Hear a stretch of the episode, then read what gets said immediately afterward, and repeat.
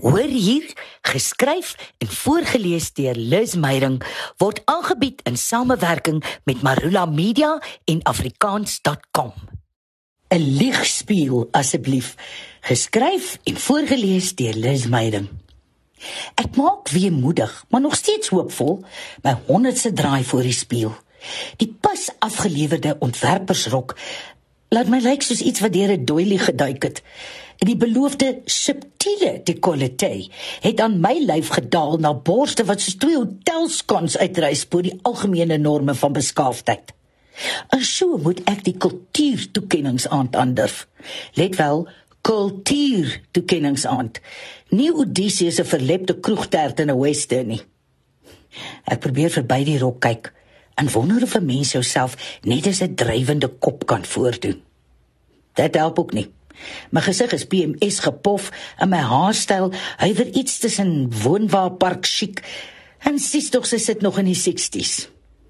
Nou net voor almal dink ek's die poster child van selfhaat. Ek is nie, regtig nie. Daar's 'n fyn lyn tussen selfhaat en insig. En die spieël, soos die kamera, lieg nie. Dis kwart voor 8. Daar's nie tyd vir uittrek en oorbegin nie. Ek sleep voet met 'n groot selfvoldane glimlag sitkamer toe waar meneer in die aanpak wag.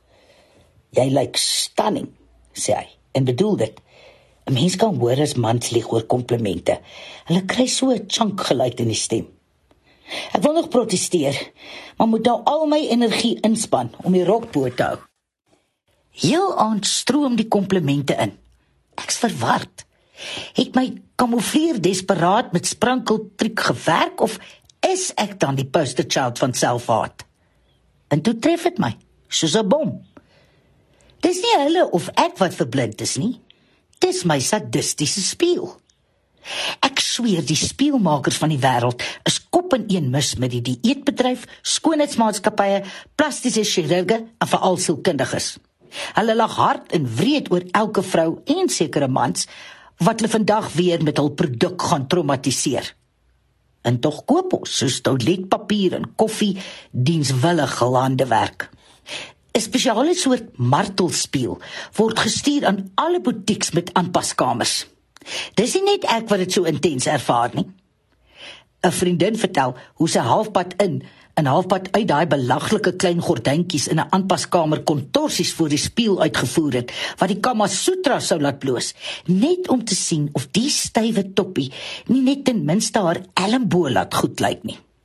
Die winkelpersoneel het nie geweet of hulle moet lag of die paramedisy moet laat kom nie. Dis mos nie reg nie. Ons is intelligente, multidimensioneel denkende wesens. Nie 10-jariges wat soos al babiepoppe wil lyk nie. Daar's soveel belangriker dinge in die lewe om ons energie aan te spandeer. En tog nou verstaan ek die komplekse verhouding tussen Snoewytjie se stiefma en haar spieël. As sy dan so sosiaal gestrem was dat almal in die paleis haar as 'n indringer beskou het, was sy seker eensaam. En jy moet bly eensaam wees om met 'n stuk glas te praat. En was die spieël haar enigste geselskap. Dalk was die stem uit die spieël Miss Sneeuwwytjie wat om 'n hoek gestaan het. Hoe dit ook al sê. Deur die eeue heen is die arme vrou as ydel en wreed uitgebeeld. Terwyl sy maar net aan 'n doodmenslike kwaal ly, weerkaatsingssindroom. En wat 'n vrou, behalwe die blokkies hemp en trekkersool brigade, loer nie gereeld in weerkaatsende oppervlaktes nie. After all, Waarmee word jy vroegoggend eers gekonfronteer as jy gesig was in tandeborsel? Hoe anders maak jy seker dat jy voordat jy jou huis verlaat, nie meer soos 'n vroegoggend verkreukelde verskoning vir 'n lewende organisme lyk nie? Dis baie meer as uitlyk. Dis 'n herbevestiging van jouself. Momentele meditasie. Dis bemoedigend of selfvernietigend. Daai oomblik van weerkaatsing bevestig die feit dat jy nog hier is En al voel dit soms so, nie onsigbaar geraak het nie. Maar dan moet daai bevestiging 'n positiewe oomblik wees, nie 'n waansin erger as jou matriekafskeid nie. Iewers in die Amazone is daar dalk nog 'n afgesonderde stam wat sonder weerkaatsings leef. Hulle moet dolgelukkig wees.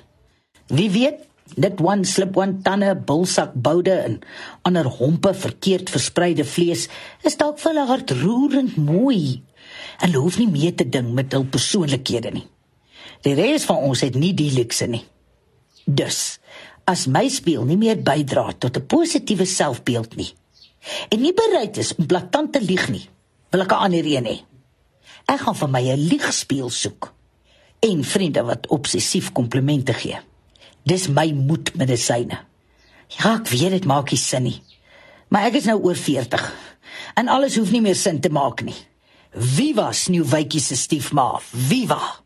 Om kinders te leer en te help vorm sit in 'n mens se bloed. Om hulle te sien floreer en te hoor hoe hulle presteer, dit is die dankie vir jou ure voor die klas. En dit is vir my lekker om te sien hoe kinders wat in hulle eie taal onderrig ontvang, groot hoogtes bereik. Dalk juis omdat hulle soveel makliker en vinniger abstrakte begrippe soos wiskunde in hul moedertaal onder die knie kry. En wanneer hulle eers daar hekkie oor is, kan hulle vlieg in watter taal ook al. Besoek afrikaans.com en vind meer uit oor moedertaalonderrig.